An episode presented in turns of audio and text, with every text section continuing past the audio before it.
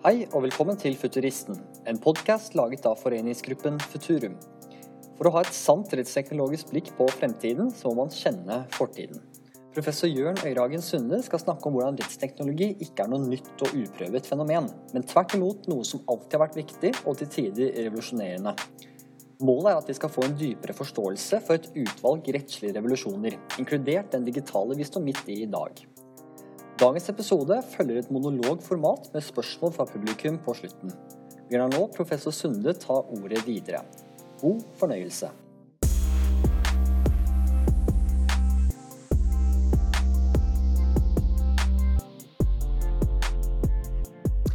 Ja, kjære alle sammen.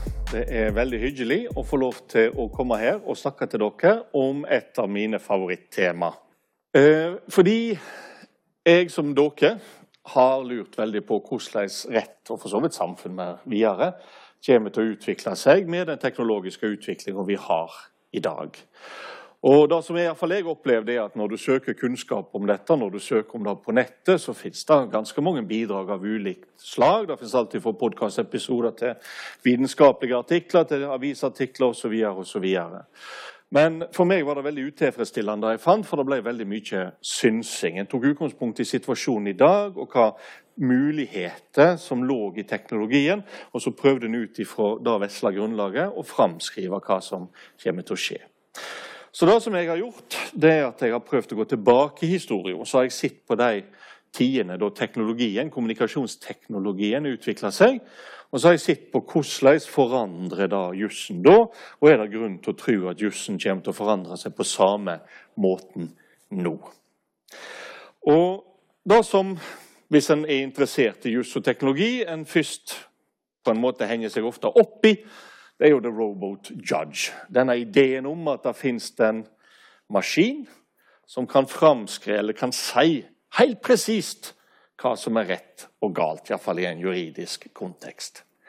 Og Når en jobber med rettshistorien, så er det nesten det første en møter på når en jobber med juridiske kjelder. Og så er det jo ikke slik at en for 2000-3000 år siden drømte om en robåt fordi en hadde ikke den ideen om teknologiens muligheter som vi har i dag. Men at en resten mekanisk skulle kunne vite forskjellen på rett og galt, at det er et ideal, det går langt tilbake. Og vi kan f.eks. gå tilbake til Bibelen, vi kan gå tilbake til første kongebok, som først og fremst handler om kong Salomon, som dere kanskje har hørt om, som er liksom den ultimate, rettferdige konge og dommer, slik han er fremstilt i første kongebok. Og Litt av bakgrunnen for hans rettferdighet den har vi i tredje kapittel. Han er nett nylig blitt konge, han er i en by som heter Gideon, og i en drøm så kommer Gud til han, og Kort fortalt så sier Gud du kan ønske deg hva du vil. Og da er det Salomon ønsker seg et hjerte som kan høre, så jeg kan styre folket ditt og skilje mellom godt og vondt. Den maskinen som han ønsker seg for å kunne skilje mellom godt og, og vondt, det er hjertet. Det lyttende hjertet snakker en ofte om i en teologisk kontekst. Han ønsker seg altså den presise kunnskapen som trengs for å skilje rett ifra galt, og den får han. Det er Guds gave til han. Det er sånn som en ofte tenkte for lenge siden, nemlig da at en trengte Guds hjelp til å få den innsikt, sånn at mennesket nesten da kunne bli en maskin, en regnemaskin for juss. Og så får en ideen om roboten den kommer først på 1700-tallet. Da lager en faktisk flere roboter, mekaniske roboter. Så hvis dere besøker klokkeutstillinga i British Museum, eller hvis dere reiser til klokkeutstillinga i Vinterpalasset i Beijing, så vil dere se ulike mekaniske eh, verk som kan utføre ganske utrolige ting. I Beijing vil dere f.eks. finne ei klokke, så hver gang klokka slår tolv, så sitter det en figur, en mannsfigur, og skriver et lite brev. Som, han skriver jo det samme om igjen og om igjen, så, så voldsomt avansert er det ikke. Men det er avansert nok. sant? Så på 1700-tallet får en drømmen om robåten som kan dømme i alle saker. Og En av mine favorittuttrykk for dette finner vi i 'Trollmanns hatt' av Tove Jansson. Tove Jansson kjenner dere jo som oppfinneren av Mummidalen med alle disse figurene der. Og I 'Trollmanns hatt' så er det tufsla og vifsla som stjeler trollmannens juvel Og Så får han han tilbake etter mye viderverdigheter, og så gir han alle i Mummidalen ett ønske hver. De kan ønske seg hva, han, hva, de vil, og han er jo trollmann, så han kan oppfylle ønskene deres. Og Snorken han ønsker seg en rene maskin. En maskin som kan regne ut om noe er rettferdig eller urettferdig, godt eller dårlig. Han ønsker seg en slags robotlignende ting. Da sier altså trollmannen til han at det er for vanskelig. Da har han ikke makt til å skape. Det er i 1948 at trollmannens hatt kommer ut. I 1955, sju år senere, kommer den første vitenskapelige artikkel som sier at ved hjelp av dataprogram vil en i framtida gjøre alle jurister overflødige. Og ikke bare det. En vil få et mye bedre resultat fordi et dataprogram vil kunne avgjøre hva som er rett og galt, helt presist. Da var dette gått ifra å være en fiksjon, og en visjon kanskje, hos Tove Jansson i 1948 til å bli en del av den vitenskapelige diskurs i 1955. Men vi har altså endra kommunikasjonsteknologien flere ganger. Og Jeg skal nå ta dere gjennom hva vi kan lære av disse tre store endringene i rettshistorien. Og Den første det er når muntlighet avløser skriftlighet. Da er faktisk det som skjer i det jødiske kongedømmet under Salomon. Det skjer jo i god tid før vår tidsrekning. Det skjer omtrent samtidig i Hellas. Vi får omtrent de samme filosoferingene i gresk filosofi som vi får i den delen av Det gamle testamentet. Og vi får en del av de samme endringene hos oss. Bare der skjer jo endring jo fryktelig mye seinere. Den skjer først på 1100-1200-tallet, etter vår tidsrekning. Men påfallende like prosesser. Men Det er den første gangen vi får en endring i kommunikasjonsteknologi. Den andre gangen er når vi går fra håndskrift, som vi hadde i mellomalderen, til trykt skrift på 1600- og 1700-tallet. Og så er det sikkert noen av dere som tenker at det kan ikke være så stor forskjell på håndskrift og trykt skrift. Det er en enorm forskjell. Fordi når en kopierer noe som er håndskrevet, så leser en feil, eller iallfall i praksis viser seg at en føler seg relativt fri når en skriver av. Så når vi sammenligner mellomalderhåndskrifter med, med rettslig innhold, så er det store forskjeller for hvert enkelt håndskrift. Når du får trykt skrift, så vil hver eneste versjon av en lov være helt lik. Forutberegnelighet, sånn som dere tenker på forutberegnelighet, bokstavforutberegnelighet, at du skal kunne lese deg i en lov til hva som er din rettslige stilling, da oppstår med trykt skrift. Det fantes ikke i mellomalderen, fordi det var ingen lover som var like. De varierte for mye. Så overgangen her fra håndskrift til trykt skrift er veldig viktig, og den trykkskrift vinner altså fram i en rettslig sammenheng på 1600- og 1700-tallet. Og så er vi altså i en situasjon i dag der den trykte skriften blir avløst av digital skrift. Og så er det igjen noen av dere som tenker kanskje at betyr det så mye. Sånn, skrift er nå engang skrift, men forhåpentligvis vil jeg i denne forelesninga vise dere at det har enorme konsekvenser. Og Det er den første tesen som jeg òg har lyst til å formidle til dere. Min første tese er rett og slett at endringer i kommunikasjonsteknologi fører til endringer i retten. Og det, Jeg skal vise dere tre eksempler. Jeg kunne forelest om dette i det endeløse. Det har jeg ikke tid til, så det blir tre konkrete eksempler. Og Det første er at endring i kommunikasjonsteknologi den avgjør hvor mye rettskjeldemateriale som er tilgjengelig til enhver tid. Når du får håndskreven juss på 1100- og 1200-tallet. Så går en ifra at jussen er da enkelte personer husker, til noe du kan bære med deg, vise fram til andre, diskutere med andre osv. Og, og et manuskript i mellomalderen som inneholder all gjeldende rett, det er kanskje på 150 sider, maks 200 sider. Så på 200 sider så har du samla all gjeldende rett. Og det er altså mulig, for nå kan du skrive den ned. Når vi endrer teknologien, kommunikasjonsteknologien til trygt skrift, så er det veldig mye lettere å produsere fordi eh, rettskjelde. Det tar tre måneder å skrive ett manuskript på 150 sider. Det tar ikke så lang tid å produsere 300 eksemplar av ei og samme boka, f.eks. Så trygt skrift gjør det mye mindre kostbart å produsere restkjelder. Og når vi kommer ut på 1700-tallet, så hvis du er en jurist som vil ha på ditt kontor oversikt over gjeldende rett, så har du ca. seks hyllemeter med juridisk litteratur, med lover og etter hvert, det kommer sist, samlinger av dommer. Seks hyllemeter. Så du går fra 150 til 200 sider sant? til seks hyllemeter. Kommunikasjonsteknologien gjør at du har mye mer materiale for å avgjøre hva som gjelder gjeldende rett, som betyr at det subjektive hos dommeren betyr mindre og mindre, fordi du har et større restkjeldemateriale å bygge på. Hva så med i dag? Gå inn på Lovdata så begynner å telle hvor mange rettslige dokument som ligger ute på Lovdata. En litt sånn grov telling fra min side. Det er over 300 000 rettslige dokument. Og De er ikke på én side. sant? Altså Straffeloven den er ett dokument. En artikkel på 50 sider er ett dokument. 300 000 dokument ligger ute. Og Jeg kan jo gå inn og se på hva det som ligger ute. Vel, Ca. 785 lover. Vi har mange færre lover enn vi tror i Norge. Nett nå er det 785. Men det er ca. 13 000 forskrifter 3500 er sentrale forskrifter, 9500 cirka, lokale forskrifter. Ca. 3000 traktater. Høyesterettsdommer, som er prejudikat, har vi over 87 500 av.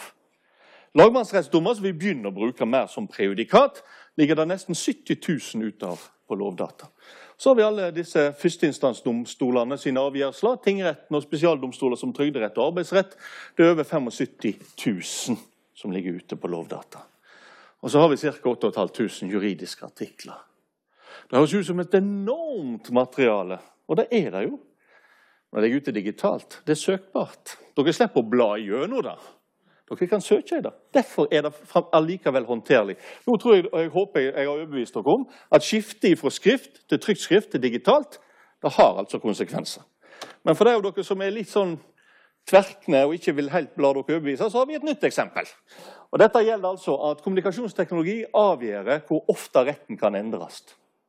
Så når vi fikk skreven rett, så begynte en å gi lover. Det er faktisk først da en får lovgivning av et større omfang, og et større omfang betyr mer enn en sånn 10-15 regler. På 1000-tallet er en lov på 10-15 regler det er en enorm prestasjon. Nå får du lover. Landsloven av 1274, byloven av 1276 og Det jeg kaller en administrasjonslov, som kom omtrent på den tida. Vi vet ikke nøyaktig hvor. Vi får tre store lovbøker. Ja, store store. Alle disse går jo inn i et manuskript på 150-200 sider, så de, de, er ikke så store. Men i en europeisk kontekst var dette ganske omfattende. Etter det så gjør de ca. én lov i året for å bygge ut eller endre disse lovbøkene. Og Sånn holder det seg ut hele mellomalderen. Så varierer jo dette. Noen perioder er det ofte mer lovgivning enn andre, men i snitt ei lov i året. Trygt rett, da får vi jo en ny lovbok. Kristian 5.s norske lov. Veldig mye større enn de gamle. sant? For trykkekunsten gir nye muligheter. Etter Kristian 5.s norske lov kommer det i snitt 30 nye lover i året. Fram til 1814. Varierer voldsomt. Veldig få i begynnelsen. Fram mot 1814 ca. 70 i året, faktisk. Så en voldsom variasjon. Men her ser dere at trykkekunsten gjør det mulig å endre og så er det jo sånn at det, Forskjellen mellom 1 og 30 er jo ikke så stor, men er, forskjellen på 1 og 30 er hvert eneste år. Da blir forskjellen veldig stor. For med én lov i år i 100 år, så får du eh, 100 lover. Men med 30-året så får du 3000 lover. Sant? Altså Forskjellen er helt enorm. I dag, når vi har fått digital rett, så blir det gjort ca. 120 lovvedtak i året hvert eneste år i Norge. Er det så veldig mye mer enn 30? Ja, det er en god del mer. Ikke minst fordi, husker dere da jeg sa, etter Kristian 5.s norske lov kommer det i snitt 30 i året, men i begynnelsen veldig få, på slutten veldig mange, fordi retten begynte å bli gammel. Vi gjør 120 lovvedtak i året, trass i at 30% av alle lover i Norge er ti år eller yngre. 30 så det er ikke alderen på lovene, eller er det da? Sant? Er det samfunnet som forandrer seg så fort, eller er det bare den teknologiske muligheten? Vi har altså hatt en vekst i vår lovgivning. På 60-tallet ga vi ca. 80 lov i året, nå gjør vi ca. 120. Veksten er ikke så stor, men vi kan gå inn og måle veksten på en annen måte. Hvis vi ser i lengde, så er lovene blitt dobbelt så lange. Og Går vi inn og ser i kompleksitet, altså hvor mange lover endrer hvert enkelt lovvedtak, så den, har den blitt fire ganger så stor siden 1960-tallet. Så tallene lyver litt. Lover er lengre og mer komplekse enn de var. I tillegg så kommer jo lovene våre med forarbeidsmateriale. Der har veksten gått til for ca. 3500 sider forarbeid på, i 1965. Og så er det litt urettferdig, for i 2005 hvis vi skal sammenligne sånt med enkeltår, så hadde vi 17 000 forarbeidssider. Men 2005 var et veldig spesielt lovgivningsår. Men snittet på 2000-tallet er faktisk 10 000 forarbeidssider som blir publisert hvert eneste år på Lovdata, hvor de er søkbare og derfor tilgjengelige. Og så har vi et poeng til, nemlig at kommunikasjonsteknologi da avgjør hvor detaljert reguleringen kan være. Igjen har jeg gjort en sånn veldig enkel undersøkelse. Hvis vi går tilbake til 1200-tallet og Magnus Lagerbøtters landslov og 1274 hadde han en eget strafferettskapittel. Det består av eh, 30, eller en strafferettsdel som består av 30 kapittel som vi kan spalte opp i 91 paragrafer eller artikler. Kristian 5.s norske lov, da de hadde fått trykkekunsten, den er på 329 artikler som gjelder strafferett. Mens de sentrale straffelovene i dag de er på 681 paragrafer. Da er det 410 i vår straffelov av 2005, og så har vi 271 paragrafer i andre lover. Og Da har vi ikke tatt med alle de reglene som finnes i de 127 forskriftene, som òg faktisk har strafferettsregler i Norge. Forskrifter med strafferettsregler fantes nesten ikke her, og fantes overhodet ikke når vi går tilbake til landsloven. Så igjen så ser vi at eh, kommunikasjonsteknologi avgjør hvor mye rettskjelder vi har tilgjengelig, hvor ofte vi endrer retten, og hvor detaljert vi regulerer samfunnet. Dette har jeg vist med egentlig ganske enkle eksempel. Dette kan vi regne på. Eh, og for all del, jeg sier det enkle eksempel, det, er, det tar litt tid å telle 17 000 forarbeidssider som kom i 2005. Eh, eh, heldigvis hadde jeg en vitenskapelig assistent som gjorde det. Jeg gjorde det ikke sjøl. Det er fordelen med å være professor. Så med ny kommunikasjonsteknologi så forandrer retten seg. Men, og det er kjempeinteressant, og dette er min tese nummer to Den forandrer seg ikke med en gang. Det er faktisk helt påfallende hvor lang tid det tar ifra vi får ny kommunikasjonsteknologi, til at retten begynner å forandre seg. For meg var dette en aha-opplevelse som har gått og irritert seg over at vi ikke utnytter de digitale mulighetene fortere. På, I første perioden så tar det faktisk nesten 250 år før retten begynner å bli skriftlig, ifra vi begynner å bruke skrift. For Skrifta kjenner vi, og vi begynner å bruke med kristninger. Og kristninga skjer sånn på begynnelsen av 1000-tallet i Norge. Det var ikke det at de ikke kjente Skrift før, men det er da det begynner å vise igjen i en samfunnssammenheng. Den første skrevne loven, eller det er jo bare en liten samling lovregler, den kom sannsynligvis allerede på 1020-tallet. Men selv om den ble skriftfest, så gikk folk straks over til å huske den. For det er det som blir huska, som har autoritet. Er det konflikt mellom det folk husker, og det som er skrevet, så stoler en mer på det som er huska, enn det som er skrevet. Sånn er det veldig lenge. Nedskriving av lover mer generelt det begynner i løpet av 1100-tallet. Og Når vi kommer til 1150, så er det helt sikkert at da finnes det veldig mye nedskreven juss i Norge. Men, og det er litt viktig, disse nedskrivingene av jussen de var i privat regi. Det var altså ikke kongen. Staten lot skriftteknologien bare utvikla seg, og de lot private bruke den uten at staten, altså kongsmakta i denne perioden, sjøl tok den i bruk, faktisk. Det skjer først i 1274, altså ca. 250 år etter den første skrevne loven kom. Vi tror den kom i 1024. Da en for alvor nedskriving av retten. For da kommer landsloven av 1274. Den er skreven helt fra begynnelsen av. Men ikke bare begynner en da å skrive ned loven, men nesten alle manuskripter av landsloven som vi trodde var skrevet av her og der rundt omkring i Norge, de viser seg å være skrevne i kongens kanselli. Kongen tar kontroll over produksjon av rett. Han ikke bare gir loven, men det er hans folk som skriver den av. Og De skriver faktisk av landsloven så mye at i 1350 så har det funnes ett manuskript av landsloven per 1150 innbyggere i Norge. Det er en enorm spredning. Så, men det tok altså 250 år før kongsmakta tar i bruk den skriftlige teknologien i en juridisk sammenheng. Men da blir det òg brukt i veldig stor grad. En begynner til og med å skrive ned viktige dommer, det vi ville ha kalt for et prejudikat. Hva så når vi får eh, trykt skrift på 1600- og 1700-tallet? Da skjer vel ting fryktelig mye fortere. Ja, det skjer fortere. Det tar ca. 200 år før de tar den virkelig i bruk. Det er jo Johan Gutenberg som trykker den første boka i Europa. Da har de jo hatt trykkekunsten i Kina ganske lenge, men han trykker den første i Europa i 1455. Den første boka som ble trykt i det dansk-norske riket Nå er vi jo en del av det dansk-norske riket. Det er i 1482 i København. I Norge får vi ikke et trykkeri før i 1644. Da får vi her i Kristiania. Det første boka som ble trykt i Norge, ble trykt i Kristiania 1644. Men en sitter i Norge og får bøker trykt i København. Og første norske boka trykt i København er 1519. Trykkekunsten fins der ute. Og de har fremdeles ikke trykt en eneste lov. Den første loven i Danmark-Norge den er dansk og ble trykt i 1559. Den første loven som ble trykt i Norge, ble trykt i 1604. Og det er landsloven av 1274. Den gamle mellomalderloven som bare funnes i manuskript, ble nå endelig trykt. Og da, når den blir trykt i 1604, er det som lov nummer åtte i Danmark-Norge som blir trykt. De tar ikke i bruk trykkekunsten. Så det er litt varierende. Men stort sett framover mot 1660 så er det sånn rundt 10% av lovene som blir trykt. Resten er fremdeles håndskrevne.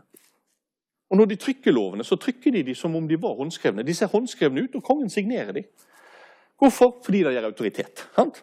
En ekte lov er håndskreven. Det er det du stoler på. Du bruker ganske lang tid på å gå ifra en mental tilstand der du tenker at loven kan være ekte, selv om den er trygt. Og Dere har sikkert ofte brukt ordet 'uttrykkelig'. Ja. Da begynner de å bruke ca. 1660, når de har bestemt seg for at trygt lov faktisk er sann. Den er uttrykkelig. Vi ser det dukke opp i kjeldene. Og Da finnes det to uttrykk for at en lov er sann. Den kan være undertrykt, og Da er det altså et segl med kongens signettring som står under teksten. Da er den håndskreven, men med segl. Da er den sann. Da er den undertrykt, eller den kan være uttrykkelig. Da er den trykt på et papir, og alle papir er like. Da er den òg sann. Men dette dukker altså opp ca. 1660, så vi er sånn omtrent 200 år etter trykkekunstens framvekst. En bruker veldig lang tid på å ta i bruk den nye teknologien. og det er jo altså For autoritet er knyttet til den gamle teknologien. Så selv om det er hensiktsmessig å bruke den nye, så har den ikke fått tilstrekkelig autoritet til å bli brukt til en lovtekst. Nesten alt er trygt, unntatt kjærlighetsbrev, tror jeg, før du begynner å trykke juss. Hva så med vår eiotid? tid? Da går det vel fortere. Og det gjør det. Det går faktisk overraskende seint. Den første datamaskinen som ble brukt i norsk forvaltning, kommer på midten av 1950-tallet. Eh, og Den er viktig. Den treffer jo ingen avgjørelser. Det er ingen robot judge på noen måte, men den bidrar til den informasjonsgrunnlaget forvaltningen jo trenger for å treffe sine avgjørelser. Når det gjelder sprejus, så blir Lovdata oppretta i 1981, og det er virksomt fra 1983. Ganske tidlig i en europeisk sammenheng. F.eks. Menneskerettighetsdomstolen og EU-domstolen sine dommer blir ikke vil jeg si, effektivt spredd gjennom gode verktøy på nettet før vi kommer helt på begynnelsen av 2000-tallet, som er et sånn ganske alminnelig tidspunkt for at du utvikler gode plattformer av typen lovdata rundt omkring. Men jeg tenker at vi får altså lovdata virksomme fra 1983. Der har du lovsamling strengt tatt tilgjengelig da, digitalt. Men det er først i 2018 at vi begynner å bruke den lovdata på eksamen. Og i 2019 bestemmer en seg for at lovsamlingen skal gå ut. og så ombestemmer bestemmer seg for i februar, og i mai så bestemmer Stortinget for, seg for at de vil fortsette å gi ut en fysisk lovsamling. Men jeg vet ikke om dere var på Juridisk fakultet i Oslo i 2018.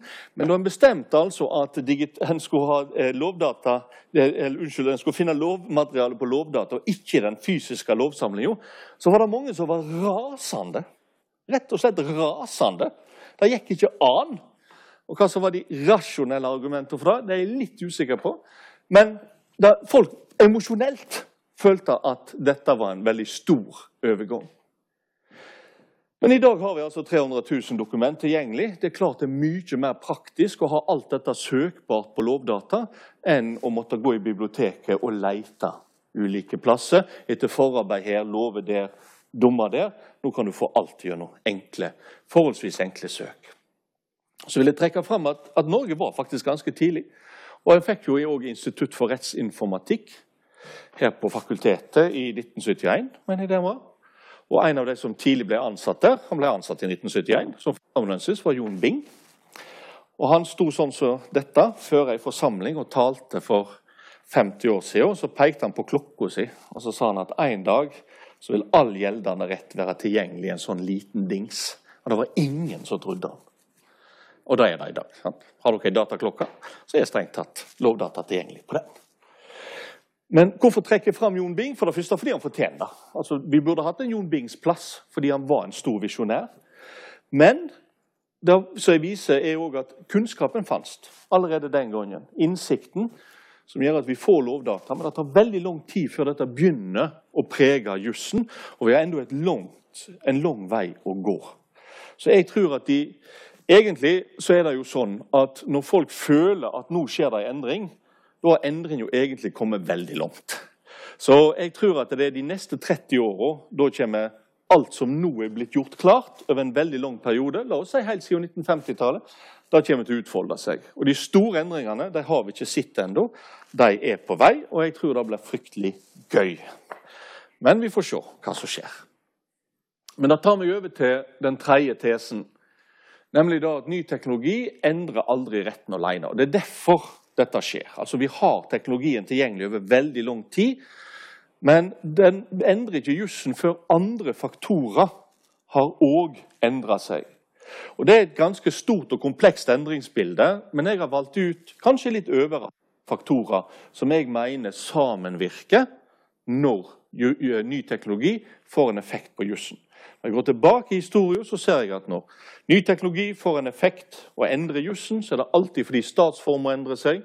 Vi får et nytt verdigrunnlag, vi får et nytt menneskesyn, og vi får en ny lovgivningsteknikk. Og så tror jeg dere blir veldig overraska når dere ser at den nye lovgivningsteknikken den vokser fram ut av to faktorer. Det er tidsforståelse og matematikk. To ting dere aldri har tenkt på i løpet av jusstudiet. Men det er faktisk de som former oss intellektuelt når vi eh, lager en lovgivningsteknikk. Jeg skal vise dette veldig kort. Det tar faktor for faktor. På 1100- og 1200-tallet, når vi fikk skriftlig rett, så endra statsformer seg.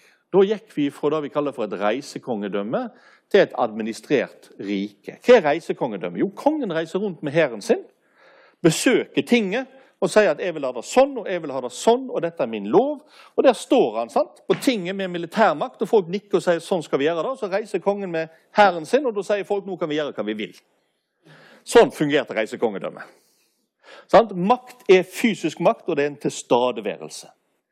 Når du begynner med skrift og lovgivning, så sender du ut din vilje. Kongen møter ikke på tinget. Han gir tinget ei lovbok. Så har han selvsagt sine folk på tinget som skal være med og sikre at den lovboka fungerer. Og det systemet de lager for å sikre at retten blir anvendt slik han står skreven, sånn noenlunde iallfall, det er ganske komplekst og for all det, det er ikke så enkelt. Men det er veldig viktig at du går ifra å kunne styre ved militærmakt til å styre gjennom lov. Og det er en enorm forandring for det gjør styring viktig. Og hvorfor er styring viktig? Jo, fordi hvis det er makta som rår, så vil den svake aldri ha en sjanse. Med en gang du får styring gjennom lov, så får den svake en mulighet. Dette skal jeg snart komme tilbake til. Så går vi også fra et administrert rike på 1600- og 1700-tallet når vi får trygt skrift, og går vi fra dette administrerte riket til en byråkratisert nasjonalstat. For den administrasjonen kongen har, den er jo veldig liten. Altså Den gruppa av tjenestemenn som han har til å styre hele riket, den er kanskje på 500 personer. Det er, det er absolutt alt. Og da snakker vi om lokalt og sentralt. sant? Når vi kommer ut på 1600- og 1700-tallet, når du kan publisere lover, trykke lover i detalj, i mye større detalj i detalj i forhold til i dag, men i mye større detalj regulere samfunnet, så trykker du lover og sender det ut og bygger ut både en lokal og en sentral administrasjon. Og for 251 år, nei, 250 år siden, ganske nøyaktig, unnskyld, 1772 Nei, 77 Ja, der er det. Så får vi Unnskyld, eh, dårlig matematikk. Da får vi eh, byråkratiet. Og hva mener jeg med det? Det er ikke bare fordi det er blitt mange flere personer. Men ifra da året så får ikke den, de som er tilsatt i administrasjonen, i statsadministrasjonen, får ikke i utgangspunktet lenger hovedinntekta si ifra sakene de behandler, men uavhengig av sakene. Og Det er jo en enorm endring, fordi det sikrer en objektivitet i forvaltningen. Men det er trygt skrift som gjør det mulig å ha eller, så, så, gjør det mulig å detaljregulere, og så gjør at du bygger opp et byråkrati. Så det er jo veldig lite på 1700-tallet i forhold til da det var på 1970-tallet. I dag så går vi videre. Staten er gått fra nasjonalstaten til den transnasjonale staten. Hva mener jeg med det? La meg forklare det med et eksempel, sånn at dette ikke bare blir ord. Vi har etter hvert innenfor EU-systemet for eksempel, flere forvaltningsenheter av typen Konkurransetilsynet. Konkurransetilsynet sitter i Bergen, det er en norsk forvaltningsenhet. Men de svarer primært ikke overfor norske myndigheter, men overfor den forvaltningsenheten på tvers av landegrensen i EU som de er en del av. Og Det er det som er det interessante med disse nye direktoratene som EU oppretter. De skal være uavhengige forvaltningsorgan. og Det er jo egentlig en contradiction in terms. For at forvaltningsorgan er jo ikke uavhengige. Det er kongen, eller regjeringen, som er øverste leder. Og alle forvaltningsorgan svarer for den lederen, som igjen svarer for Stortinget. Når du får uavhengige forvaltningsorgan som svarer overfor hverandre og hverandre sin organisasjon på tvers av landegrenser, så har du på en måte bråte nasjonalstatens styringsprinsipp. Og det er der vi er på vei i dag. Det er en veldig interessant utvikling som vi diskuterer altfor lite, men det er jo teknologien som gjør det mulig. For Du har kommunikasjonsmuligheter som kan skape uavhengige forvaltningsorgan som kommuniserer med hverandre på tvers av landegrenser, i stedet for innad et nasjonalt forvaltningshierarki. Et nytt verdigrunnlag fikk vi med kristendommen, rett og slett.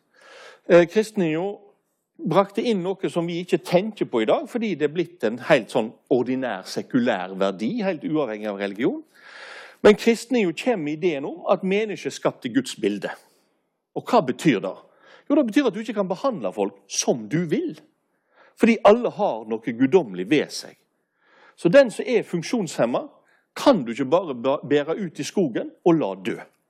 Fordi vedkommende er òg skapt av Gud. Vi vet ikke hvorfor vedkommende er funksjonshemma, men sånn er det. Og da må vi gi vedkommende mat allikevel, selv om vedkommende ikke kan bidra til produksjon, f.eks. Den ideen kommer kristne om. Og Det er en helt revolusjonerende idé. Og med en gang alle individ For at det, Før kristninga er det sånn at desto svakere du er, desto færre rettigheter har du.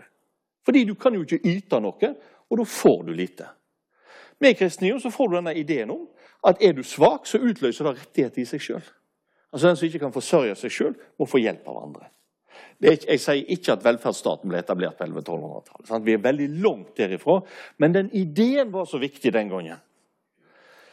Det som skjer med, med reformasjonen, er jo ikke at og, og, og, som kommer i lag med, med trykkekunsten, nesten, det er jo ikke da at vi forandrer da verdisynet.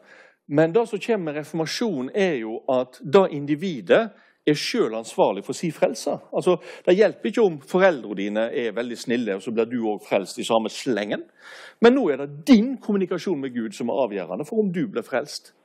Og det utløser utdanningsbehovet.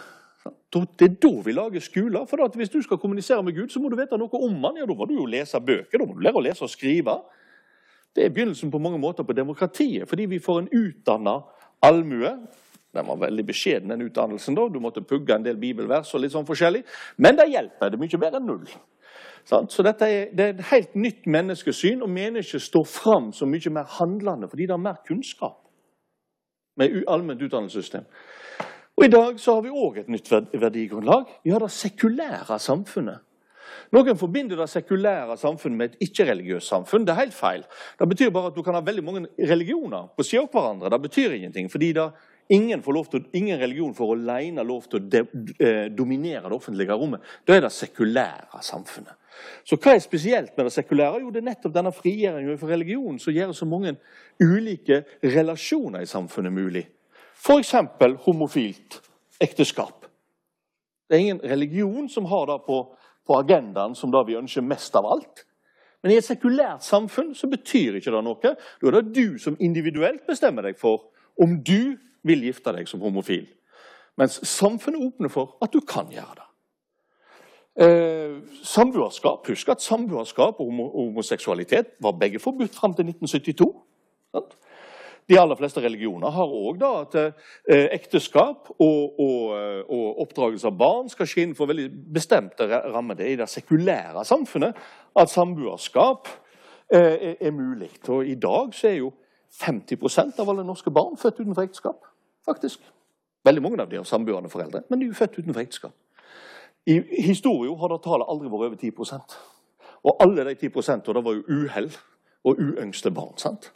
Det er det sekulære samfunnet som gjør at individet på en måte er fritt. Har, Først er det religion som frigjør individet. Det gjør det rettigheter, det gjør det rett til kunnskap. Og deretter så frigjør individet seg òg fra religion. Og det kan velge om det vil tilhøre en religion eller ei. Det er det sekulære samfunnet. Nytt verdisyn. Så ser jeg på klokka at jeg kan jo ikke gå så detaljert gjennom alt. Men jeg skal også bare si at vi i lag med et nytt verdisyn og en ny statsform får et nytt menneskesyn. Det som skjer med kristninga på 1100- og 1200-tallet, er jo at individet får visse rettigheter. Det får rett til vern. Altså det vi kaller negative rettigheter. sant? Jeg får en rett til at folk ikke fornærmer meg, f.eks. Jeg får en rett til at folk ikke slår meg i hjel. Du får en negativ rettighet. Da at du er et individ og et skapt i Guds bilde, gjør at du får et minimum av rettigheter. De negative rettighetene. De positive rettighetene de kommer jo med trykkekunsten. Spredning av kunnskap, skolegang, det at folk leser og tilegner seg kunnskap. Da får du ikke bare rett til vern, men du får rett til å utfolde deg. Du får rett til å ytre deg. Du får rett til å bevege deg, f.eks. Og så videre. Hva skjer i dag? Det er faktisk litt vrient å forklare. Men vi har gått inn i en situasjon der vi har fått rettigheter i. Så vi har de negative rettighetene, vi har de positive rettighetene, og så har vi rettighetene i. Jeg skal prøve å forklare hva det er for noe. Tenk dere en sak for Menneskerettighetsdomstolen. En kvinne er blitt fratatt, som er alenemor, er blitt fratatt sitt barn, eh, ansvaret for sitt barn, som er 14 år. Etter hvert så blir det òg adoptert vekk. Det er litt søkt, men jeg, jeg tar det nå med. sant? Så hun mister all kontakt med det barnet. Hun går til sak mot den norske staten, taper i tre stanser, tar saken inn for Menneskerettighetsdomstolen, vinner fram. Det som skjedde, var urettmessig. Barnet er nå 19 år. Hva rett har kvinna vunnet i den saken? Ja, sant? Har hun vunnet rett til å være med barnet? Nei, saken skal jo ikke takes opp igjen. Barnet er fremdeles adoptert vekk. Uansett er det noen 19 år og kan ha noe med mor si å gjøre om det vil eller ei. Så hun var ikke vunnet noe der. Og hun er, eh, har, eh, du har, fått et, har du fått et prejudikat? Neppe, fordi disse sakene er så individuelle at de ikke kan gjentakes fra sak til sak. Ja, Hun har fått en erstatning. Ja, Erstatning for hva? Det er jo ikke erstatning som er tilsvarende stor som tapet av å miste kontakt med ditt barn. Det, det er erstatning som et substitutt. Det hun egentlig har vunnet, er liksom en rett i noe, men det er ganske udefinerbart hva det er. Men det er en rett til å være seg og gjøre ting på sin måte i samfunnet uten at staten skal trøne for nær. Jeg vet at dette er en dårlig forklaring. Bare tenk på det og prøv å forbedre den. For jeg er veldig usikker selv hvordan jeg skal ordlegge meg. Men det har veldig nært knytt til woke. Hva er egentlig woke? Vi har ytringsfrihet, som er den positive rettigheten. Woke er da at du skal få lov til å være i samfunnet som du er, uten at noen trør deg for nær. Her er det ikke staten. Det kan være staten, det kan være andre. Det, måten vi tenker rettigheter på, er i forandring. Det som er med, med tidsforståing, det er jo rett og slett hvordan vi opplever tid, og dermed hvordan vi systematiserer kunnskap, og hva vi på en måte ønsker av virkning med de handlingene vi gjør. Og måten vi da tenker tid på, den påvirker oss hvordan vi tenker, eh, hvordan vi lager lover. Og det som er veldig viktig å huske, at I mesteparten av rettshistorien så har vi ikke lagd lover. Det gjelder ikke bare oss, det gjelder alle andre. For slags, Hvis vi skal tenke oss et slags sånn utgangssamfunn, så har vi en punktuell tidsforståelse. Det vil si at vi forholder oss til punkt som hender. Så når det skjer en handling, du blir skada, eller du inngår en avtale, eller en avtale blir bråten, så er det et punkt og den løser du ved hjelp av ei rettssak. Og så får du erstatning for, eksempel, for den skaden du har lidd. Og så skjer det en tilsvarende handling om fem år, og så blir den løst. Og så ferdig med den. Sant? Hver konkrete sak blir løst for seg sjøl. Men i løpet av 1100-1200-tallet, som er nært knyttet til kristninga, så, så, går vi over til å få en sirkulær tidsforståelse. Og Det er jo veldig enkelt. sant? Tenk dere at Jesus blir født hver jul og dør hver påske. sant? Det er sirkulært. Det er at ideen om at noe gjentar seg hele tida. Og når du får den ideen om at ting gjentar seg, så begynner du å gi lover. For at Da lager du en regel ikke for å løse den konkrete saka, men for å løse saka og de framtidige sakene. For dere ser at den typen saker, at folk slår hverandre i hjel, at folk bryter avtaler, ja, det skjer jo med jevne mellomrom. Du begynner med lovgivning når du får en sirkulær tidsforståelse. Akkurat som jul gjentar seg år etter år, så vil avtalebrudd gjenta seg år etter år. Lovgivning er ikke bare et spørsmål om kapasitet og f.eks. å beherske skrivekunsten, men det er ideen om at vi trenger regler fordi handlinger gjentar seg i vår verden. På 1600- og 1700-tallet får vi en lineær tidsforståing. Hva betyr det? Jo, Det betyr at vi hele tida tror at vi kommer fra et punkt tilbake i historien, og at vi beveger oss framover. Tenk dere, Verden er en linje, tidslinje, framover. Og Det betyr at på 1600- og 1700-tallet så lager en ikke bare lover for å, for å regulere de tilfellene som gjentar seg, en lager lover for å forme samfunnet slik en vil ha det i framtida. Så det er ikke bare eh, å tilfredsstillende løse en type konflikter, men en ønsker å løse dem på en måte som gjør at samfunnet vil utvikle seg. Du går altså ifra å ta hensyn til partene og alle de eh, innbyggerne i samfunnet som vil oppleve denne typen saker, f.eks. avtalebrudd, til å bestemme at vi skal bygge samfunnet. F.eks. sånn at avtalebrudd nesten aldri skjer der framme en gang. Det gjør det jo forresten ikke. sant? Det var jo veldig vellykka. Tenk hvor mange avtaler vi inngår hver eneste dag. Avtalebrudd skjer faktisk nesten aldri. Så vi har lykkes. sant? Så Det er den lineære eh, eh, tidsforståelsen. og Det betyr at du ikke bare skal ha ordna samfunnet godt her og nå, da gjør du med en sirkulær tidsforståelse, men du begynner å lage lover for å bygge fremtiden, samfunnet i framtida. Så får vi den relative tidsforståelsen som vi lever med i dag, og som vi har hatt nå i ca. 100 år, faktisk uten å ha lagt helt merke til det. Hva er den relative tidsforståelsen? Da tenker dere på Einstein sant, og relativitetsteorien. og den er knyttet det. Men den relative tidsforståelse oppstår egentlig litt tidligere. Eh, på 1880-tallet deler en verden inn i tidssoner. Og Dermed relativiserer du tida. Tida er ikke bare den jeg opplever her og nå, men når jeg står her, så er det natt der og dag der osv. Du får en slags idé om at tida er relativ. Fordi jorda Du er på ulike plasser på jorda. Og om det er midt på dagen, varierer med hvor henne på jorda du er. Men det er òg en personlig opplevelse. sant? Hvis dere syns at dette, denne forelesningen er gøy, så går tida fort. Syns dere hun er kjedelig, så går tida seint. Legger dere merke til det? sant? Tid er veldig ulikt. Sitter du og venter på noe, så går tida eh, seint. Når du får oppleve noe godt, så går tida fort, f.eks. Sånn er det òg med lovgivning i dag. Jeg vet ikke om dere har tenkt på det, men lovgivning er veldig mangefasettert. All lovgivning bygger ikke samfunn, og all lovgivning er ikke lik. La meg ta bare et enkelt eksempel. Dere har hørt om hard law. Forvaltningsloven, straffeloven, hard law, den som anvendes i domstolene. Dere har hørt om soft law. Soft law er f.eks. mange av disse 3000 traktatene vi er bundet av. Soft law den gir føringer på hvordan vi skal tenke om ting. Og kanskje skal, er en med å forme jussen. Men den fungerer helt annerledes. Hard law, umiddelbar effekt. Sant? Rask tid. Soft law, litt sånn over tid. Sein tid. Ser dere det? Relativ tidsforståelse gjør at vi er i stand til å akseptere at ulike deler av det samme har ulike karaktertrekk. Og Sånn er det altså med jussen, der de ulike delene av jussen etter hvert har ulike egenskaper. Vi kan kalle det ulik og det er knyttet til at tid har ulike egenskaper. Så vi hadde ikke vært i stand til å utnytte den digitale teknologien til å lage en sånn enorm mengde lover som vi faktisk gjør, og regulere samfunnet i sånn detalj som vi faktisk gjør, uten å akseptere at de ulike delene av den lovmassen har ulike oppgaver i dette samfunnet. Så vi har ikke bare mange lover. Det er ganske vanskelig å få til i seg sjøl.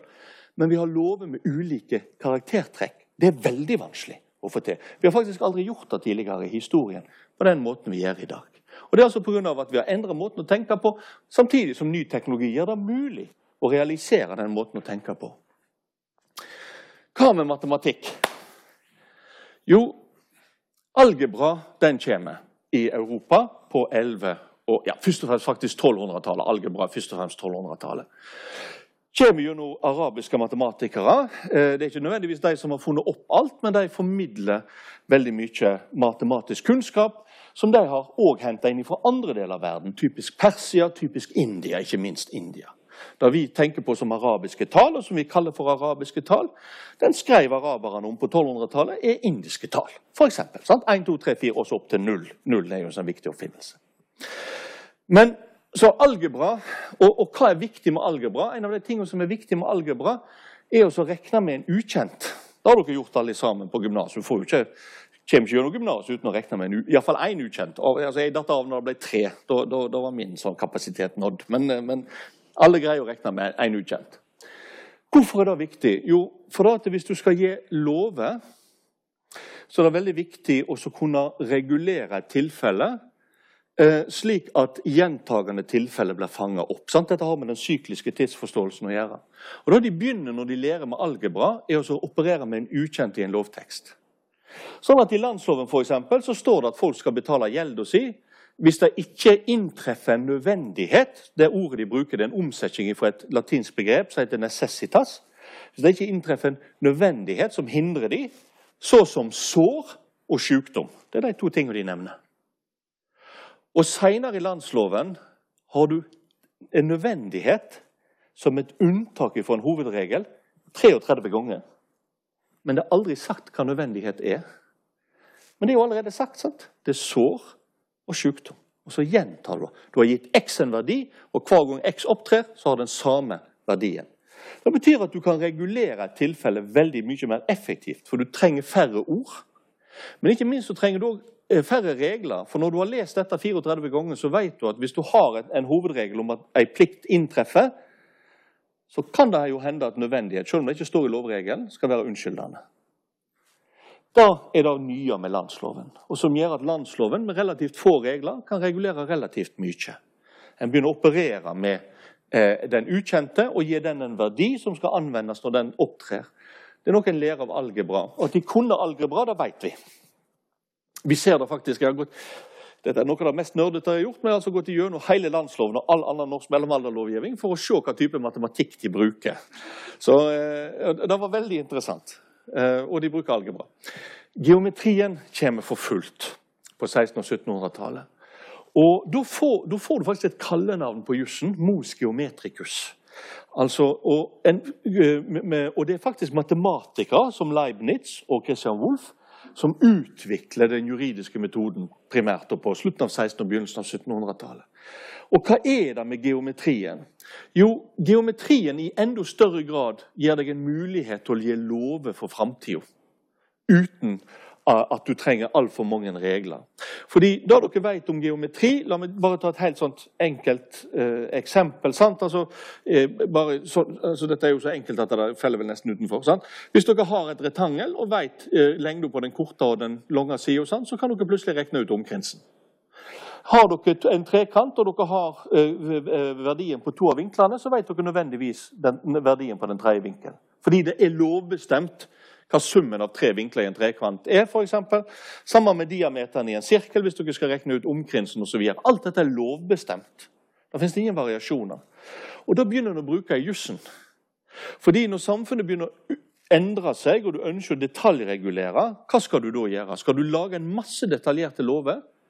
Eller skal du lage lover som inneholder nok regler til at når det oppstår et tilfelle som feller utenfor lovteksten, så kan du regne deg til hvordan det skal reguleres.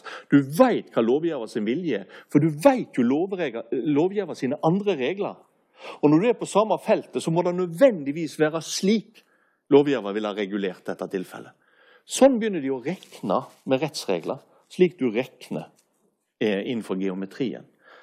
Og da, og det var veldig utrert. og Noen, noen, noen lagde lærebøker altså der de, nett, de, bare tok matematikken inn på jussen sitt område. Det falt ganske fort, fordi det viste seg at juss er litt mer komplekst. Eh, og det er en del skjønn og sånne ting. Men det allikevel ligger fremdeles til grunn for vår juridiske metode. den måten å tenke på. Hva med algoritme?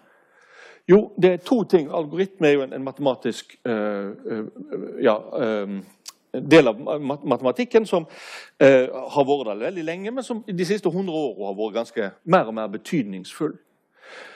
Det som er det at Når de har geometri, så er det hele tida helheten sant? som er avgjørende for om den konkrete regelen er korrekt. Men når regelmassen blir så stor som den er blitt i vår tid, og Den har vekst jevnt og trutt.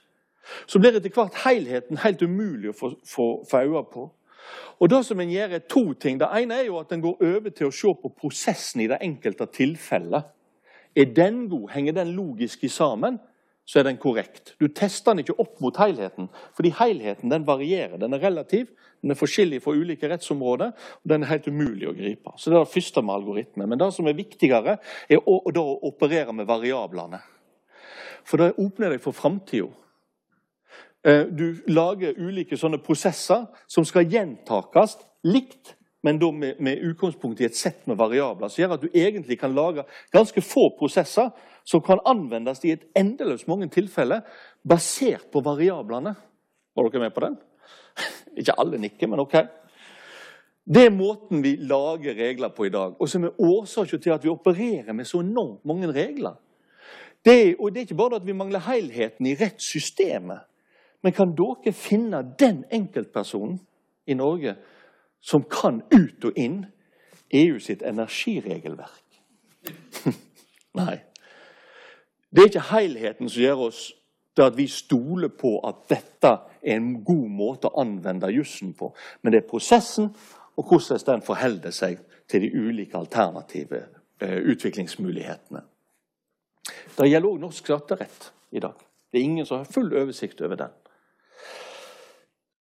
Sånn at eh, Det som er viktig, det er at eh, ny kommunikasjonsteknologi den forandrer ikke vår måte å tenke juss på før disse faktorene, som altså er statsform, verdigrunnlag, menneskesyn og lovgivningsteknikk, òg har endra seg.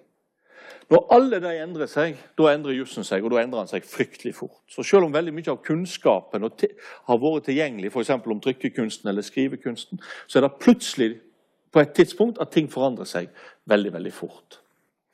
Men det som er veldig viktig å merke seg, og det er min fjerde tese, det er at teknologien den blir aldri brukt til sitt fulle potensial. Og Det er veldig viktig å ha i minne i dag, for vi står overfor en, en revolusjon der vi kan ta i bruk digital teknologi. Men det som vi må huske på, det er at vi vel i hvor stor grad vi vil ta den i bruk. Og har, De valgene har blitt tatt hver eneste gang når ting har endra seg. Så går vi tilbake på 1100- og 1200-tallet, så valgte en å skriftfeste loven, brukte skrift, men prosessen var fremdeles muntlig. Det høres jo helt naturlig ut for oss, for det, sånn er det jo fremdeles. Men den gangen var det et valg. Alternativet var f.eks. Kirka sin prosess. Den var stort sett skriftlig hele veien. Men de valgte det vekk, fordi muntlighet hadde en fordel. Muntlighet hadde en fordel at du inkluderer mange flere i, i samfunnet. F.eks. på dette tidspunktet alle de som ikke har skriftkunnskap. Det er et valg en tok. En kunne ha valgt å gjøre prosessen skriftlig. Slik var den innenfor kirka. På 1600- og 1700-tallet så får du jo trykt skrift. og Hvorfor skal den eh, drive prosessen ifra det muntlige mot det skriftlige? Jo, fordi trykt skrift øker vår forventning til presisjon. Muntlighet det er dårlig på presisjon, skriftlighet er veldig mye bedre. Så vi ser faktisk at trykt skrift fortsetter presset mot at ikke bare lover skal være skriftfestet, men prosessen òg. Og I Danmark-Norge så blir prosessen mer og mer skriftlig, spesielt på 1700-tallet. Og Så skjer det interessante at en reverserer hele den prosessen i 1887 og 1915 med straffeprosessloven og sivilprosessloven som kom da. Og Da kunne vi ha gått i en kontinental retning. I veldig mange land i Europa er store deler av prosessen skriftlig. Den er nesten aldri skriftlig i første instans. Men desto høyere opp du kommer generelt i europeiske domstolshierarki i ulike land, desto mer skriftliggjort er prosessen. Mens vi altså reverserte den og har til og med muntlighet i Høyesterett. Der er det ikke mange høyesteretter i Europa som har. Det er først og fremst i, i Norge, Danmark, Island og på de britiske øyene. Og det er det. Ellers er ikke det muntlighet i høyesteretter. Det er det ikke. Så, og det er fordi en tok et valg og sa at OK, vi har skriftlighet som teknologi. Det er lett å anvende.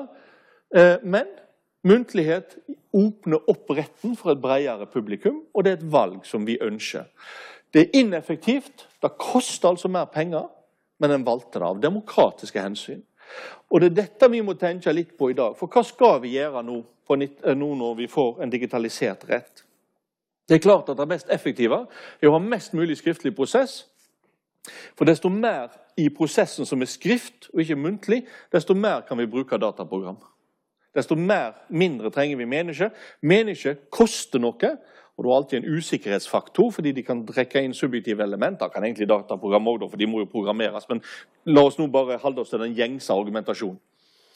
Folk koster noe, de trekker inn det subjektive. Hvorfor skal vi ikke ha en mest mulig skriftlig prosess, så vi kan bruke mest mulig dataprogram? Vel, det er jo, Hvis en vil ha en åpne prosesser, så er prosesser i dataprogram de er problematiske. Og Jeg var nett på et møte med kollegaer fra Sverige. hvor Vi hadde en ganske heftig diskusjon der jeg sier at vi må vite hva som foregår i et dataprogram som treffer en avgjørelse. Det er et rettsstatsprinsipp. Mens en av kollegene mine fra Stockholm sier at nei. Så lenge resultatet er godt, så trenger vi ikke vite, fordi det er for komplisert. En datamaskin skal jo nettopp behandle endeløse mengder data som overgår det vi kan behandle. Da greier vi ikke å følge med hva den datamaskinen faktisk gjør. Så da må vi gjøre dette på helt andre måter enn innsyn. Ok, Det er et interessant argument. Jeg har mange ting å si om det, men det er et interessant argument. Men i alle fall, desto mer skriftliggjøring, desto mindre innsyn. Vil vi ha det, eller ei? Da, da velger vi. Så kan en si at her må vi differensiere. sant? Relativ tidsforståelse. Parkeringsbøter trenger ikke innsyn. Barnefordelingssaker trenger innsyn. sant? Sånn. og Da ser vi igjen dette som jeg prøvde å vise i stad. Altså Den relative tidsforståelsen gjør at vi forholder oss til ulike deler av retten på ulik måte. Kanskje må vi gjøre det i enda større grad her. Dette med at Appellbehandling av saker skal være lyd- og billedbehandling. altså At partene ikke møter på nytt, men at du har tatt opp lyd- og bildeopptak fra førsteinstans sin behandling av saken, vil jo gjøre alt veldig mye billigere. Og det gjør de i Sverige i dag. I veldig stor grad. Men det betyr jo at dommerne ikke får den blikkontakten, ikke ser personen. Er det et behov for det? Er det villedende? Det vil noen si. Eller det oss, knytter det oss medmenneskelig sammen og gjør at vi bedre forstår partene i saken? Vel, da må vi rett og slett ta stilling til noe. Og da vi står i samme situasjon som i 1887 og 1915. Veler vi muntlighet, f.eks., veler vi stor bruk av mennesker i, i, i, rettslige avgjørelsesprosesser, så koster det mer. Er vi villige til å ta den kostnaden? De pengene kan brukes til mange fornuftige ting. Går, eh, og Jeg har mine meninger om dette, men det viktigste egentlig at det blir diskutert. For jeg har neppe svaret. Eh, jeg tror vi trenger en ganske stor diskusjon der mange hensyn kommer fram, før vi finner gode løsninger på dette. Nest siste tesen min, den femte, er at ny teknologi utløser en rettferdighetskrise.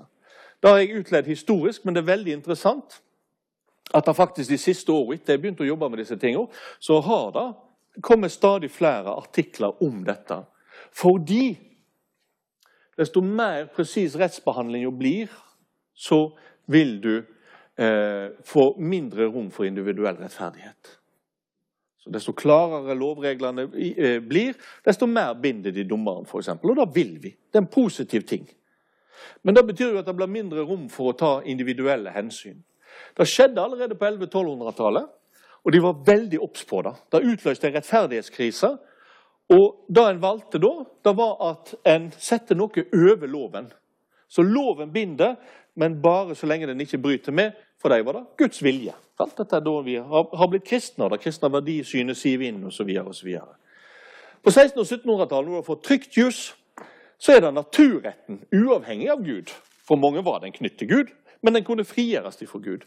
Så du skal følge loven, og nå har du fått mer og mer juss, men bare hvis den ikke strir mot naturretten, som er opphavet til det vi kaller for menneskerettigheter i dag.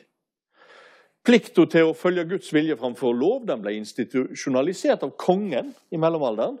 Det er faktisk juridisk litteratur som utvikler denne plikta til å følge naturretten heller enn lov når det er motstrid. Hva med i dag? Det er en av de store utfordringene. For vi har, tror jeg, har vi funnet det? Er det menneskerettighetene som blir vår kjelde over jussen? Det er de i dag, men er de robuste nok til å være det om 50 år? Jeg veit ikke. Det blir kjempespennende å se. Men jeg mener at historien viser at vi må ha noe over den black letter law, altså lovens bokstav, for å kunne justere ved behov. Og En ting som noen burde ha skrevet om, det er jo at nå heller databasen på å vokse fram som en rettskjelde. Sant? Når du søker om pasientskadeerstatning, så de, svarer de at ja, da får du så mye erstatning, for da har vi gitt de 100 tilsvarende saker. Tilsvarende? Er de helt like? Er de det? Hvem bestemmer hva som er tilsvarende? Men sånn er en begynt å argumentere. UNE argumenterer sånn, pasientskadenavnet argumenterer sånn. Flere og flere argumenterer med at tilsvarende saker er blitt behandla slik. Likhet for loven. Men det der med hva er likt, er kjempeproblematisk. Jeg skal bare trekke fram det gamle, klassiske eksempelet. sant? Når du på, på, på 1920-tallet fikk en lov i Paris med et forbud mot å sove under bruene. Loven var jo lik for alle. Rik og fattig. Ingen hadde lov til å sove under bruene. Men rike folk sov jo normalt ikke under bruene. sant? Det var de fattige som gjorde det. Så at, at noe er likt, det er noe av det mest problematiske som en kan påstå. Men det blir mer og mer et, et uh, argument nå. Så hva står over databasen? Det er ikke Gud. Vi er et sekularisert samfunn. Er det menneskerettighetene? Rekker de vidt nok? Jeg veit ikke. Men dette er det mest, det er det viktigste spørsmålet å finne svar på. Fordi teknologien går sin gang, og den kommer til å utvikle seg utvikle seg og gi oss flere og flere muligheter og kommer til å endre retten totalt. Men grensene den må settes av noe som står over. Og hva det er i et sekularisert samfunn, det vet jeg faktisk ikke. Det jeg er helt sikker på, det er dog at all den uroen som ny teknologi bringer inn i et samfunn, den vil opphøre når den teknologien blir brukt til å skape dialog. Og hva mener jeg med det? Jo, det vi kan lære av historien, det er jo at hver gang vi får ny teknologi, på 1100- og 1200-tallet og 1600- og 1700-tallet, så ser lovgiver muligheten til å styre samfunnet mer. Og Det er jo positivt. sant? Du har muligheter til å regulere samfunnet på en helt annen måte enn tidligere. Politiske muligheter, rett og slett, gir ny lovgivningsteknikk. Og Derfor så får du mange flere lover relativt sett sant? på 1100- og 1200-tallet. Du får en ny vekst på 1600- og 1700-tallet. Du får en ny vekst i dag med digitalisering. Men det betyr jo at du får en spreiing av kommandoer. Og det som vi ser, det er at eh, for at du da ikke skal få et tyranni, så bruker de nye mulighetene bare til å styre, uavhengig av hva de ønsker, de som blir styrt. Så oppretta han ulike mekanismer jeg går ikke i detalj på det, på 1100- og 1200-tallet, på 1600- og 1700-tallet, som gjorde at de styrte kunne melde tilbake hvordan lovene fungerte, hva lover de eventuelt ville ha, hva de ville forandre, osv. Og Det som er mitt poeng med digitalisering, er at det gir oss enorme muligheter til å styre samfunnet, til å sette politikk ut i livet. Men det er òg farlig. For du kan styre så mye at styringsmuligheten blir undertrykkende. Så hvordan lar du disse nye mulighetene virke frigjørende i stedet for undertrykkende? Jo, Da må du skape en dialog. Vi må bruke teknologien. Foreløpig så gjør vi ikke det. Lovdata forteller oss hva lovgiver har ønsket. Det gjør han. Men det gjør oss veldig lite i stand til å melde tilbake.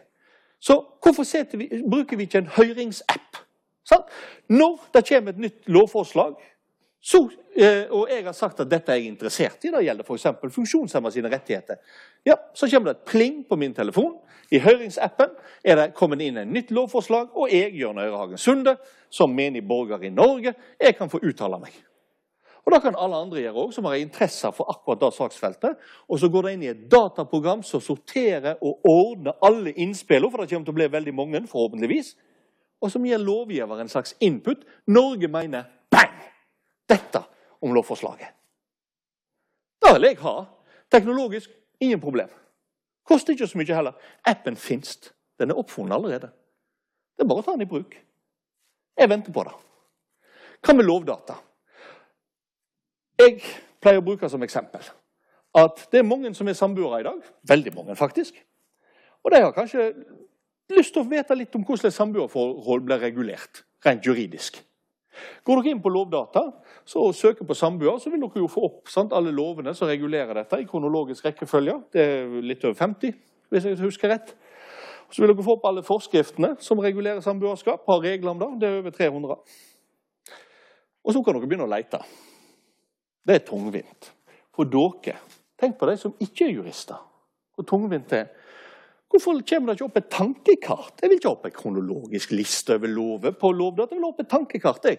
Er du interessert i samboerskap og arv, det er de fleste, så går du inn her.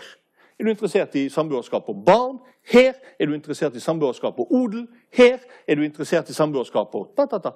Så har du ulike bobler. Så klikker du deg inn, og så kommer det opp et nytt sånn tankekart. sant? Hva ved samboerskap og barn er du interessert i? Det fellesbarn, er det særbarn? Er det... Ja, Så klikker du, og så kommer du inn på den måten. Så vil jeg ha lovdata. For da kan folk sette seg inn i dette og faktisk mene noe om samboerreguleringen i Norge. Jeg mener ingenting om samboerreguleringen i Norge, for jeg har ikke oversikt. Jeg har aldri orka å lese alle disse lovene detaljert. Jeg har bare lest de nok til å vite at det har vært litt over 50 lover om samboerskap. Fins det tre ulike definisjoner av samboerskap, og de går ikke i hop. Det er det jeg har funnet ut. Sånn at jeg er like klok. Sånn at Det jeg tenker er viktig, det er at den teknologien vi har fått, hver gang vi har fått sånn teknologi, gir uante muligheter for styring. Det er en fantastisk ting som vi skal være veldig glad for, men vi må kontrollere den. Og Det betyr at vi må gjøre at teknologien ikke bare skaper mulighet for å gi kommando. Dette er Kina og Russland sitt, sin drøm. sant? Du sender ut kommandoer. Nei, du skal òg ha den til å sende tilbakemelding på de kommandoene. Du skal skape en reell dialog. Da blir dette eh, utgangspunktet for et godt samfunn. Det er den sjette og siste tesen min, og den aller, aller viktigste når det gjelder forholdet mellom juss og teknologi og framtida. Sånn som jeg ser det. Altså om vi er ferdig med The Age of Information, som da vil gå tilbake til opplysningstida, eh, da vi får allmenn skoleutdannelse og alle sånne ting, og som strekker seg helt inn til i dag, og går inn igjen i en eh, Age of Creation, som egentlig handler om mer om bruken av den kunnskapen enn å ha kunnskapen, for å si det sånn. Hvis jeg får lov til å formulere det om på den måten. Da er det mange innenfor teknologien som sier, uh, og jeg må innrømme at jeg, Nå skulle jeg ha gitt et veldig godt svar, men sannheten er at jeg er ikke ferdig til å tenke på det. Fordi Én ting er det rent sånn faktiske. Tror jeg, der tror jeg vi har tatt av steg allerede. Fordi det er jo veldig mange ting som er viktige for meg og deg i vår hverdag som vi ikke forstår oss på. F.eks. EU sitt energimarked og hvorfor strømprisen er så høy. Sant? Vi greier å forstå enkelte små mekanismer, men egentlig er dette en del av en stor, kompleks helhet. som er nesten... Jeg husker bare når, når strømprisene øker, alle disse ekspertene på TV som desperat prøvde å forklare hva som faktisk skjedde, og ingen fikk det særlig godt til. Uh, Sånn at eh, vi, vi, vi, driver og skaper system ved hjelp av datateknologi som vi ikke helt greier å forstå, men vi greier å forstå outputen. Og så greier vi å lage kontrollmekanismer som skal sikre at det ikke er en svikt i produksjonen av den outputen. Og at det, det er så langt vi kan komme. Og kanskje er det det. Eh, det er en, grunnen til at jeg ikke er ferdig å tenke på det, er jo fordi jeg tenker på hvordan skal vi da sikre rettsstat? Det eneste jeg er sikker på, er at rettsstat slik vi har tenkt rettsstat, det går ikke an. Fordi, fordi teknologien har gjort det utdatert i lag med veldig mange andre ting.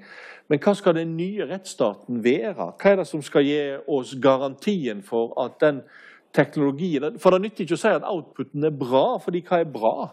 For, da, for at noe er bra, er ikke nødvendigvis bra for alle. Og det er ikke nødvendigvis bra over tid. Sant? Det må endring til.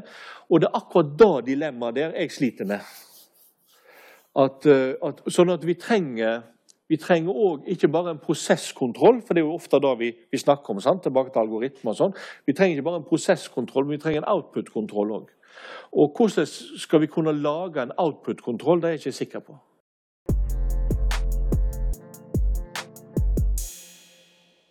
Så hva er alternativet til, til den utviklingen vi har i dag? Nei, det er der jeg står fast i tankene mine. Jeg har ikke sett det ennå. Og det er kanskje derfor, for Alt det jeg har snakket om i dag, er jo en del av ei bok jeg driver og skriver på.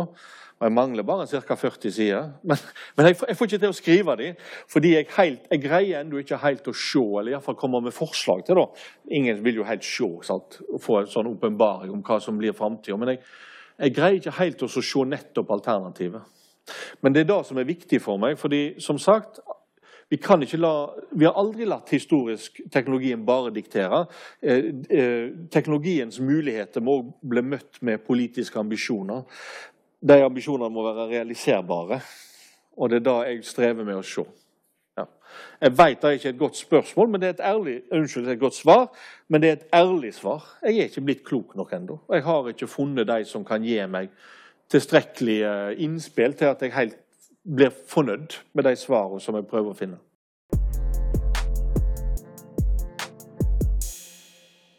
Ja, det er et kjempemorsomt spørsmål. Sant? Hvor lang tid vil det gå, før vi aksepterer en robot som, som uh, f.eks. treffer avgjørelser i mer komplekse saker? Sant? Ikke sånn som gjelder trafikkbøter eller kanskje til og med pasientskadeerstatning. Det er, vil, kunne, vil kunne bli overtatt av roboter i framtida.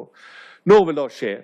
Før, og da snakker jeg om sant, langt tilbake i tid denne sammenhengen, som er to-tre år, Eh, så husker jeg var på seminar og alle sa at det er bare et generasjonsspørsmål. Det er de gamle som er konservative, som er skeptiske til dette. De unge forholder seg til teknologi aktivt i hverdagen. De er positive til teknologi. Undersøkelser i dag, altså noen år senere, viser at de to gruppene som er skeptiske til teknologi, som treffer avgjørelser, er de gamle, det har ikke forandra seg, og de unge. De er mest positive imellom der, faktisk. Sånn at Jeg er ikke helt sikker på om dette bare er et, et generasjonsspørsmål. Jeg tror det er et spørsmål om det som var oppe i stad, nemlig altså, hvordan får vi ulike mekanismer som, som, sikrer kontroll med prosessene og output. Og det, der, det, det har vi ikke i dag. Bare, alle snakker bare om det black box. Det ting, vi ser hva som går inn, og vi ser hva som går ut. men Vi skjønner ikke helt hva som er inni. Noen bryr seg ikke om dette. Sånn at I Kina en kommet veldig langt med dataprogram som treffer avgjørelser i relativt enkle saker. Og Hvis en tar en teknologioptimistisk innfallsvinkel til dette, så kan en si at de er kommet så langt at de 90% av sakene nå kommer til samme resultat som da et, et menneske ville ha gjort. Og, jeg, og det, det, er lenger enn da de har kommet i Vesten. Men jeg er ikke sikker på om det er fordi kinesisk teknologi er veldig god, eller fordi de allerede har gjort mennesker om til roboter.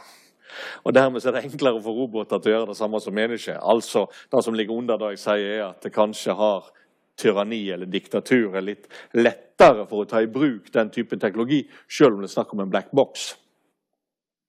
Sånn at eh, jeg, jeg, tror, jeg, eh, jeg, tror, dette som sagt er et spørsmål om, om når vi får uh, bedre kontroll på, på, prosessen og på, på, outputen, rett og slett.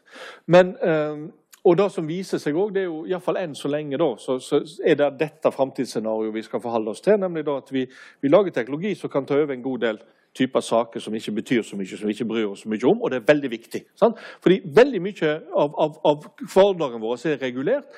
Veldig mange avgjørelser må treffes. Det vil bare, bare bli flere. Og, og, en masse enkle, forvalt, enkle forvaltningsavgjørelser vil kunne bli tatt av dataprogram. Det tror jeg er kjempepositivt. Når det gjelder de mer komplekse avgjørelsene, så får vi et samarbeid mellom menneske og robot. Dataprogrammet er mye flinkere til å finne en masse alternativ, sortere store mengder data og sånne ting. Mens kanskje det, vi må beholde et mellommenneskelig aspekt ved dette, slik at det er mennesker som prøver å behandle den datamassen. Da. Eh, og Det er akkurat der, det er den veien det går i dag, og det tror jeg er kjempepositivt. Igjen, for at du får fordi det, det er om å bruke den andre til det den er god på. Vi er ikke så gode til å behandle store datamengder. Det sier seg sjøl, sånn, som en datamaskin. Eh, samtidig som vi nok enn så lenge iallfall Dette er jo noe en jobber mye med, sant? men vi forstår f.eks. For med bedre forandring. Eh, og, og, det er noe som er i tidsånd. Altså, det er sant? Hvis dere sant? Ta oss og Se James Bond-filmer opp gjennom. Og så tenk dere at dere så de, sant? Hele rekka med James Bond-filmer den kommer jo sant, før jul hvert år på TV. Si at dere satt fem år siden og så alle James Bond-filmene. Hva tenkte dere da?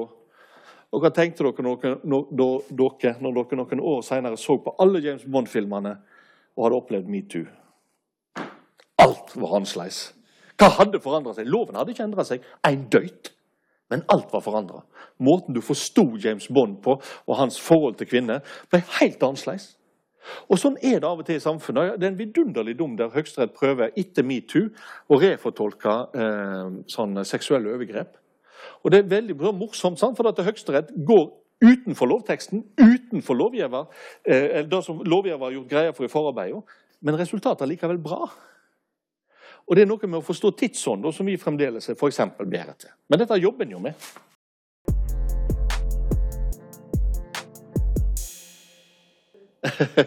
ja, dette er jo en, altså, det som er, er tilfellet. I Sverige så har du altså en uh, førsteinstansdomstol som er hos oss, sant? og så har du en andre instansdomstol, hovedretten, som behandler pelssaker, straffesaker og sivile saker.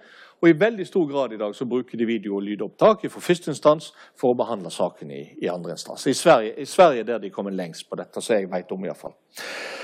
Eh, Nei, altså, og dette er jo litt av grunnlaget for domstolsreformen. Altså, det er flere grunner til at vi har slått de sammen. Delvis har slått de sammen domstoler i Norge. Vi har jo flere, vi har fremdeles mange rettsstader, men eller mange rett, ja, plasserer vi har, vi har fall, de, Dommerne er i hvert fall samla på veldig mange færre plasser, selv om de skal være der ute eh, allikevel. Og Dette er det flere grunner til, men en viktig grunn er jo da at det, da å investere i disse lyd- og opptakssystemene det er veldig kostbart. Og da vil en helst gjøre på færrest mulig steder. Eh, sånn at eh, Dette er jo allerede en faktor som driver norsk politikk. Eh, og da kan det være veldig gode grunner til, fordi dette er kostnadseffektivt. Sant? I stedet for at du betaler en, en advokat for å jo, du, du, har faktisk advokat, du har, altså, men han har et veldig mye kortere innlegg, mye kortere arbeidsoppgave, mye billigere. Og for staten, ikke minst i straffesakene. Så det er mye mer kostnadseffektivt, har mange fordeler. Eh, og det eh, er det som en har lagt vekt på ved domstolsreformen. Men det som jeg savner, er rett og slett at vi spør oss hvor viktig er det både for, uh, for den, den, gode dommen at du faktisk ikke bare ser på folk gjennom en film. Altså det, det, er klart at Hvis dere ser på en, en god skuespiller, Colin Firth eller Julia Roberts, så kan de, de kommer jo gjennom med personligheten sin gjennom en film eller et, et, et bilde. Men jeg gjør ikke det. Og sannsynligvis ikke dere heller. sant? Altså, det er noe med at vi mister veldig mye av, De fleste av oss som ikke har sånn voldsom utstråling, mister veldig mye av menneskeligheten vår. Så, så hva betyr det for dommen? Jeg, jeg, savner at vi diskuterer det. Så det har med den konkrete dommen å gjøre. Men for meg er det en annen sak, og det er jo den eh, tilliten vi har til domstolssystemet. Så Den er kjempehøy i Norden. Og alle antar Og den, den er høyest i verden i Norden. Og alle antar at det er veldig nært knyttet til åpenheten. Muntlige forhandlinger fører til en åpenhet og en, en umiddelbarhet og en tilgjengelighet som gjør at vi har tillit til systemet. Men vil den fortsette hvis det er bare førsteinstans som er åpen på den måten? Altså, vi veit ikke. Uh, og, og er et, uh, jeg, jeg, savner en diskusjon omkring disse tingene. da. Men uh, jeg har sterke meninger, men jeg er heldig for meg sjøl.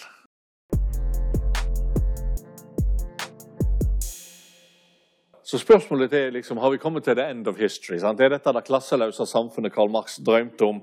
Sant? Er dette den uknuselige termosen? Har vi liksom nådd høydepunkt i menneskelig utvikling? Setter, nå setter jeg det litt på spissen. Um, altså det, er to ting jeg kan si om det. og Det ene er jo at det er det helt sikkert ikke. For da, da har vi trodd gang på gang. Altså Nå har vi nådd det ultimata. Sånn er det aldri.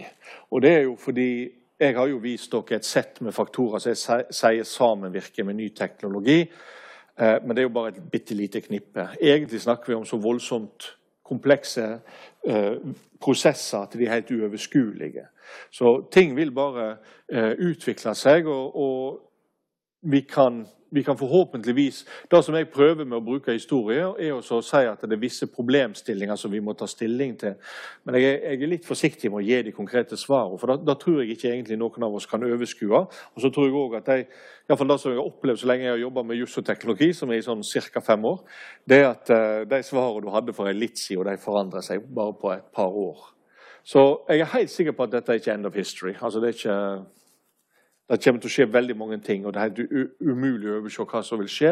Og da er vi over på del nummer to. altså Hva ser jeg for meg? Altså, mitt, det som jeg sliter med, det er jo at jeg føler at fantasien min er for begrensa.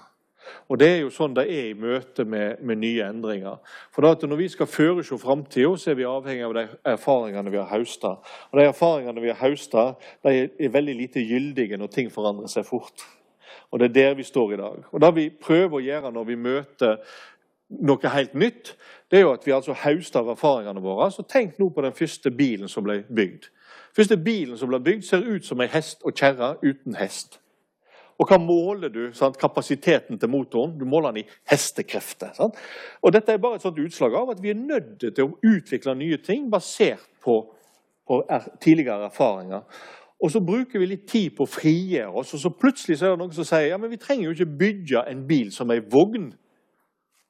Og det er da ting begynner å skje. Der er vi i dag.